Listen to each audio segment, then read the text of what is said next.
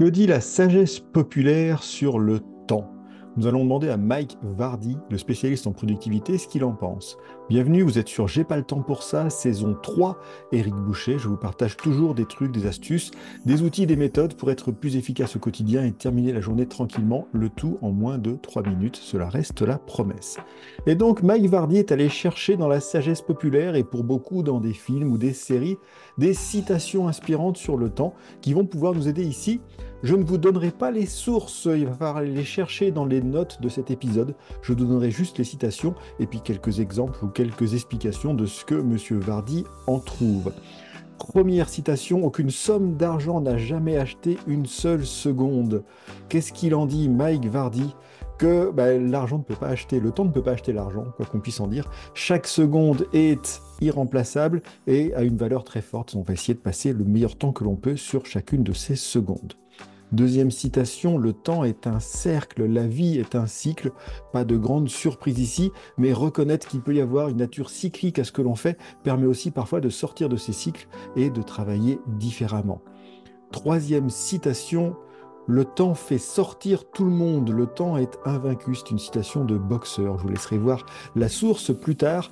Le temps est celui qui va égaliser un peu tout et qui nous rappelle que nous sommes tous mortels et que bah, la beauté de la vie réside aussi dans le fait que le temps est ce qu'il est. Quatrième citation, le temps est une illusion. Euh, c'est un grand génie qui l'a dit, du siècle, du XXe siècle. Qu'est-ce que ça veut dire Que le temps n'est pas si rigide, il est fluide, il est potentiellement subjectif? On le voit bien quand on a l'impression que les secondes et les heures ne durent pas la même longueur suivant ce que l'on fait.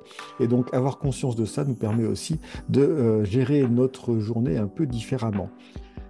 Citation que vous avez peut-être déjà lue ou entendue, votre temps est limité, ne le perdez pas à la vivre, la vie de quelqu'un d'autre. C'est euh, un homme d'affaires américain du XXe siècle. Euh, la vie est précieuse et elle est courte et essayez de vivre ce qui est important pour vous. On continue parfois la meilleure façon de passer le temps et de perdre son temps. C'est d'un film indien que j'ai pas mal apprécié. Euh, et vous pourrez retrouver parfois, c'est intéressant aussi de ne rien faire. On en parle souvent dans les épisodes autour de la procrastination également et des façons de rebondir. Et eh bien parfois, le plus important, ça va être de ne rien faire. On continue, nous voyageons tous ensemble dans le temps. Chaque jour de notre vie, tout ce que nous pouvons faire, c'est de faire notre mieux pour savourer cette balade remarquable. Un film que je n'ai pas vu, mais qui est l'un des favoris de Mike Verdi, qui, le voit, nous dit-il, tous les 31 août, à la fin de son année scolaire, entre guillemets, avant de faire sa grande rentrée de septembre. Continuons. J'aimerais qu'il y ait un moyen de savoir tu es dans le bon vieux temps avant de le quitter. Une citation qui pourrait très bien être dans Calvin et Hobbes ou dans les Peanuts. C'est encore une troisième source. Oui, comment est-ce que nous pouvons réaliser quand nous sommes dans l'instant que c'est un instant à chérir, un instant important?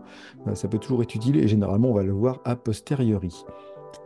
Citation courte, le temps s'achève. Oui, chaque histoire, chaque vie, chaque époque a une fin et en avoir conscience, c'est aussi un moyen de vivre le moment complètement. Et enfin, dernière citation pour cet épisode un peu spécial du podcast. Le passé peut faire mal, vous pouvez soit le fuir, soit en tirer les leçons. C'est un dessin animé. Je vous laisserai voir la source dans les commentaires de cet épisode de podcast.